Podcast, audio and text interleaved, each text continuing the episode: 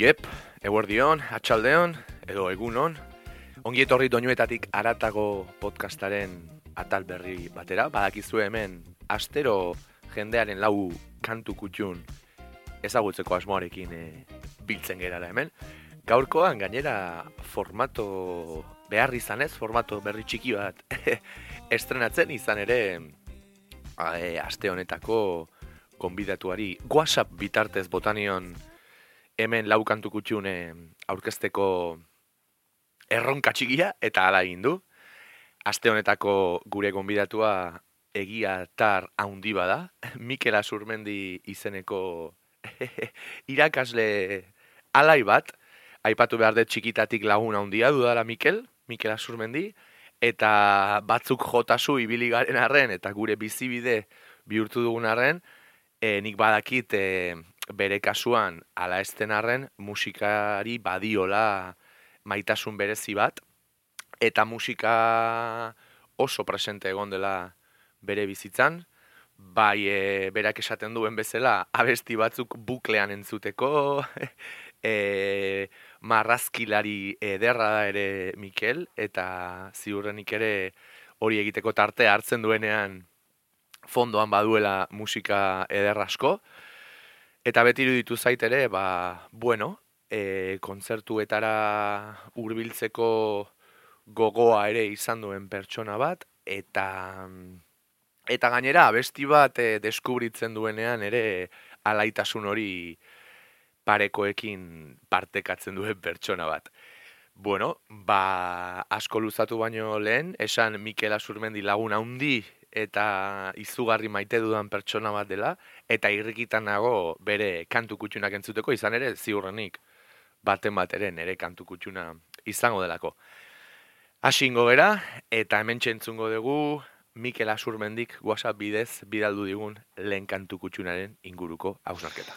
Opa, kaixo, bueno, ni Mikel Asurmendi naiz, eta lehenengo kantua, nire lehenengo kantu kutxuna, ba, sorotan beleren amaren besoetan izango litzateke, ba, bueno, alde batetik mm, atzerrian egon naizenean bidaiatzen, eta, bueno, bizitzen ere boladatxo bat, ba, bueno, beti herrimina sortzen zidan abesti bat dalako, ez? E, nere buruan beti nere buruan beti izan da Euskal Herria batek, Euskal Herria independente batek, eukiko lukeen ere serkia, ez? E, ba, doinu goxoak dauzka, letra ere polita da, iruditzen zait, e, Euskal Herritar, edo zein Euskal, Euskal Herritarri e, gustatuko litzaioken letra dela, ez? Eta, eta edo zein txokotako Euskal Herritarrak, ba, bere burua abestean bertan, ez, identifikatua e, somatuko luken abesti badala, eta, bueno, ba,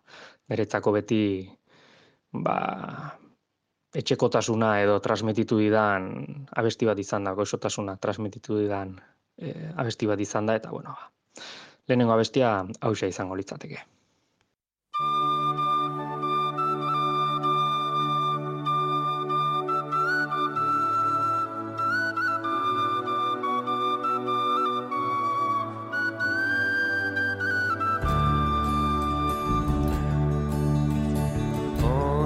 Zelai berdean, itxaso bazterrean, gailurrak ditut maite, ta kresa luzaina. Itxas bazterreko urgazi guztietan, garbitzen dut harima, ametxez betean.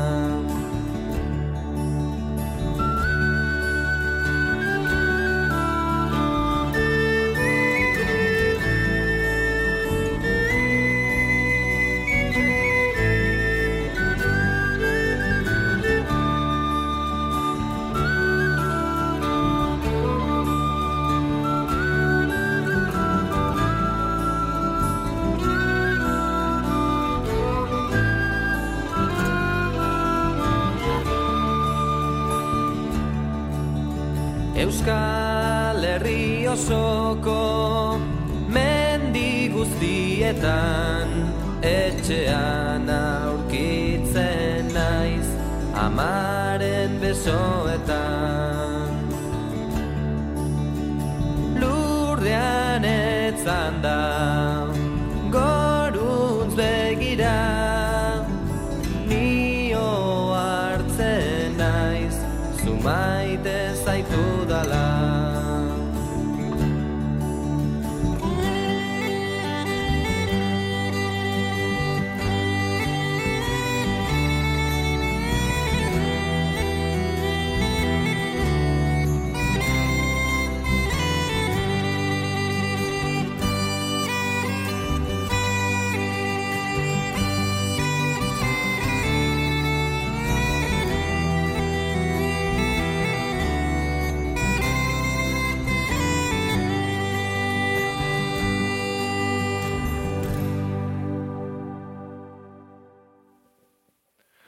Hortxe entzun dugu Mikel Asurmendiren lehen kantu kutxuna. Banekien, banekien e, sorotan beleri tartea aurkituko ziola, bere kantu kutxunetan.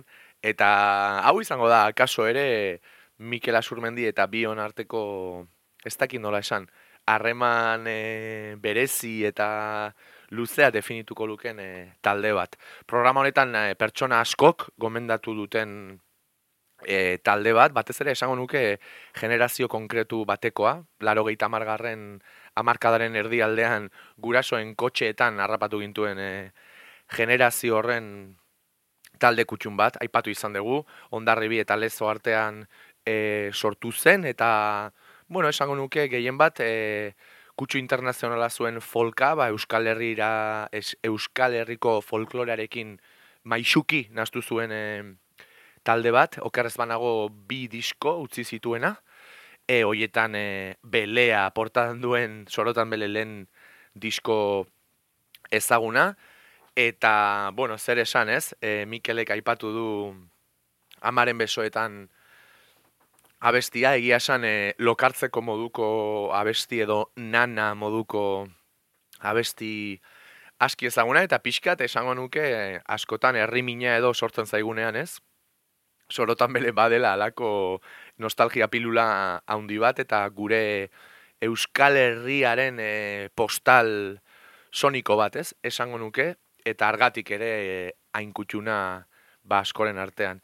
Eta Mikel gainera ere asko identifikatzen dut. Mikel bada pertsona bat e, lasai bizitzeko autua egin duena, bere irakasle lana eba aixialdi lasai eta kontemplatibo askorekin e, tartekatzen duena eta banuen, banuen susmoa sorotan bere izango zela bere autuetako bat. Kuriosia dakat, bigarrena zein izango ote den, eta aurrera goazenez, hemen entzungo dugu, Mikelek bidaldu digun, Mikel Asurmendik bidaldu digun, bere bigarren kantu kutxunaren inguruko hausnarketa txiki bat. Bigarren abestia izango litzateke ba, gaztexiagoan nintzenean, adolescentzian edo, ba, horre adolescentziako amorru eta suz beteriko ez e, kabitu ezinezko mm, garai hoietan ez e, Rise Against taldearen Behind Closed Doors izango litzateke. Ba, bueno, e, lehenengo abestia zen sorotan beleren amaren besoetan, abesti gozoa, abesti goxoa, abesti lasaia, eta, bueno, ba, da pixkat kontrakoa, ez, abesti mogitua, abesti ez, adrenalina, adrenalinaz betea, eta eta bueno, abestiak ere dio pixkat ba ba bueno, e, lortu nahi doan horren aldeko borroka bat egitea, ez? Naiz eta ba naiz eta asuntoa komplikatuta egon, ez? Biti ba, borroka horren aldekoa borroka horren aldarria bezala egiten du edo bueno, hori transmititu izan dit eta bueno, beti ere daukat horre nire MP3an txoko batean oraindik ba tarteka jak jartzeko ta motibatzeko ta ba, presaka baldin banabil, ba, pausoa azkartzeko ez. Eta, eta bueno, inoiz nekatzen ez naizen abestioa da, eta, eta bueno, oso gustora entzuten dut. Chest thrown and tables toppled Hands on with broken bottles Standing no chance to win But we're not running, we're not running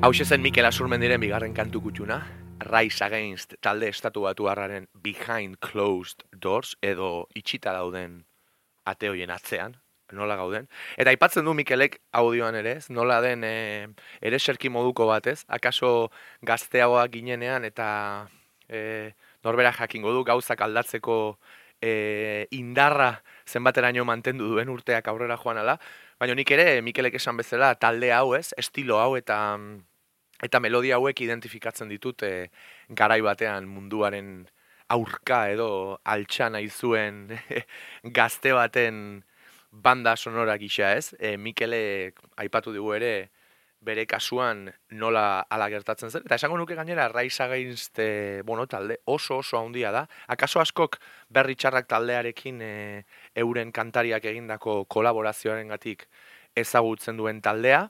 Baina aipatu behar da, ba, bueno, e, hardcore edo bai, ez dakit estilo hau, bai, ro, bai, hardcore esango nukenik. Hardcore melodiko estilo bortitz, baina ezain bortitz honek ere izan zuela alako ez dakit estanda bat eta eta nahi duenak jakin ba Rise Against izan zela beraien estiloan alako talde potente bat, baino interesa duenak alako soinuak bilatzeko, e, bai gure lurretan eta bai e, nazio artean eukiko du zer entzun izan ere aipatu bezala Niko esango nuke laro gaitan margarren amarkadatik karrei hartuta zetorren, bi mila garren amarkadan bide luzea izan zuen e, jarkorrak eta honen ba beste adaskatxoek ere gazte asko eragin zituztela, ez? Beraz, interesa duenak, Rise Against entzun dezala, bai abesti hau eta beste hainbat ere badituztelako single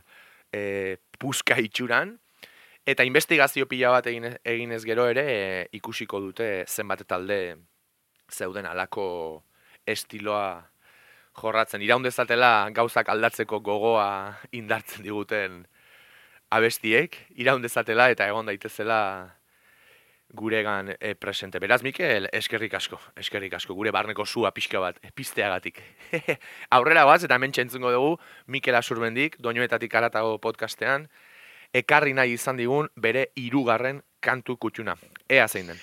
Hirugarren abestia pixkat berandusiago deskubritu nuen, ez dakit oso ondo noiz, baina bueno, kasualidadez, ba, YouTubeen kuskusiatzen ari nintzala, ba, pop, azaldu zitzaidan, eta, eta bueno, normalean em, musika zerrenda bat jarri, eta arretari gabe entzuten ari nintzela, ba, batean, ostras, abestia, o, latzaek, eta, eta hoxe. Hau da, Willie Nelsonen Bring Me Sunshine eta eta bueno, ba oso biura onak eman zizkidan, oso bueno, abesti simplea da, letra ere, ba ez da, ez, e, koetea botatzekoa, baino baino bueno, azkenen batzutan horixe behar dugu, ez? Azkenen batzutan behar dugu letra alai bat e, oso azalekoa, ez? Sakontasunik gabekoa eta eta gustora entzun eta ba holako abesti simple batekoa igual, ez? Ba, egun alaitzen digu, ez? Eta igual horixe behar dugu, ez? Eta, bueno, ba, azkeneko esan detena bestiak, ba, pixkate borroka garai edo, en fin, kabitu ezinezko garai batean kokatzen baldin baet, ba, kokatzen deia pixkat aurrera xiago, ba, ez dakit, oita zazpi bat urte nitunean edo, ba, egun eguzkitzu baten, ba, eguzkitako betorrekokin, ba, kaletik ibiltzen, hola, pauso alaiean, eta eta tipo hau entzuten ez. Ba, hau ere beti daukatola reservan, eta, bueno, askotan e, eguzki ertetzen danen eta ez lehiotik begiratu eta eguzkia ikusten dudanen ba igual hau jartzen dut etxean. Piskate eguna ondo hasteko.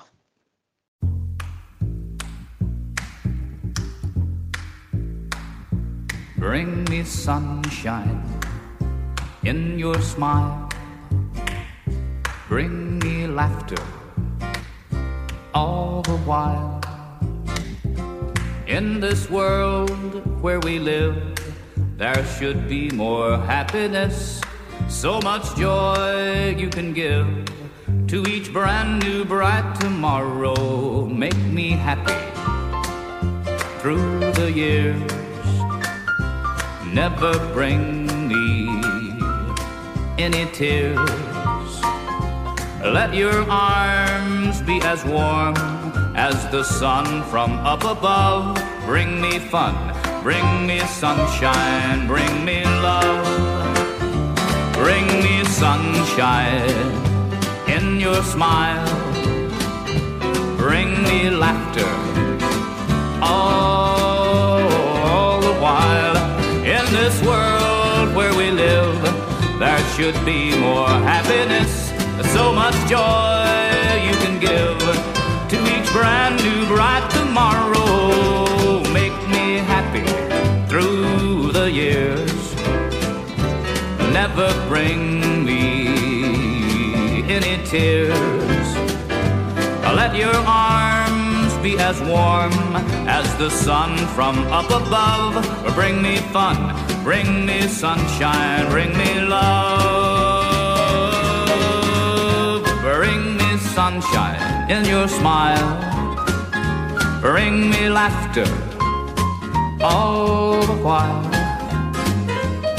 Let your arms be as warm as the sun from up above. Bring me fun, bring me sunshine, bring me love.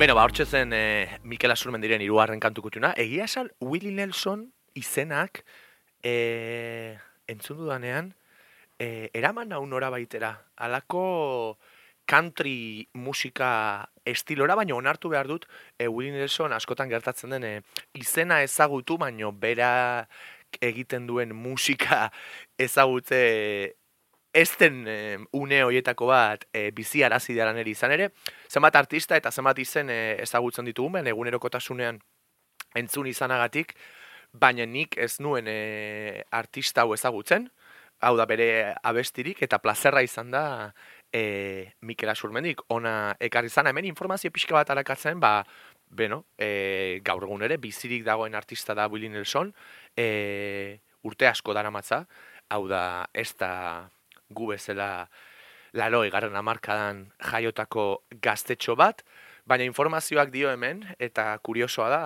e, country munduan, askotan estatu batuarrei lotzen zaien e, sonoridade hain berezi edo country e, musika horretan, ba, izugarrizko ibilbidea eta izugarrizko erreferentzialtasuna duen e, pertsona bat dela dio hemen e, internetek. Eta bertan arakatutako informazioak diskografia luzea duen e, pertsona bat eta gainera esango nuke irurogeita margarren amarkadan e, albumak ateratzen hasi zena. Hemen dio larogeita bederatzi urte dituela Willie Nelson haundiak eta kaso norbaitek ezagutuko du argazkiari begira izan ere hile luzea, hile luze hori antolatzen duen zinta bat eta eta oso ez dakit nola esan karikatureskoa da bere bere irudia. Eskerrik asko Mikel berriz ere, Willie Nelson gurera ekartzagatik eta aurrera goaz, azken abestia eskatuko diogu Mikel Asurmendiri eta ea zein den bere laugarren kantu kutsuna. Hola, bote prontoan ni oso buklean entzutekoa naiz, ez? Adibidez, Tul taldearen abestiak, ez? Zortzi minutukoak edo amaika minutukoak, ez? Horre, entzun da berriz ere eta buklean, ez? E, sartzen naiz horrelako e, entzunaldietan, ez? Eta eta bueno, ba nere azkeneko buklea, ez e, nola da, Australia rau, Tame Impala horrek eh, bazuen bat borderline, baino ez da hori, eh?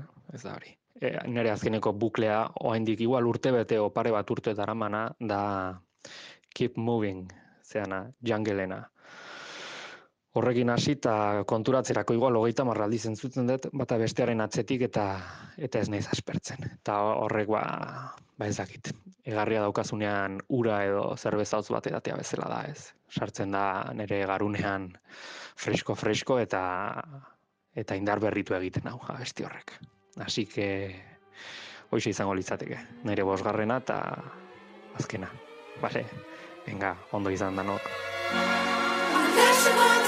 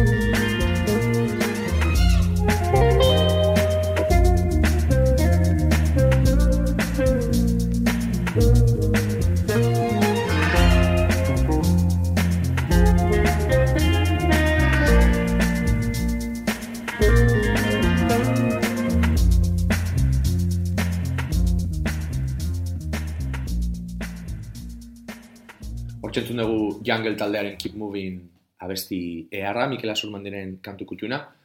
Lagun hona daukat eta badakit buklean abesti asko entzuten dituela, berak aipatu zuen bezala, eta hor gainera aipamen txiki bat egin du nere talde gustoko enetariko den Tame Impalaren temazo batena. Beraz gaur propina gisa normalean lau izaten direlako, bosgarren kantu kutxuna akaso nerea da, baina Mikelen ere bai, hemen txedakazue gaurko programari agur esateko Tame Impalaren Borderline abesti puska. Eta zuei entzuleek Mikeli eskerrik asko, eta zuei urrengo asterarte. Segi gozatzen. Adio!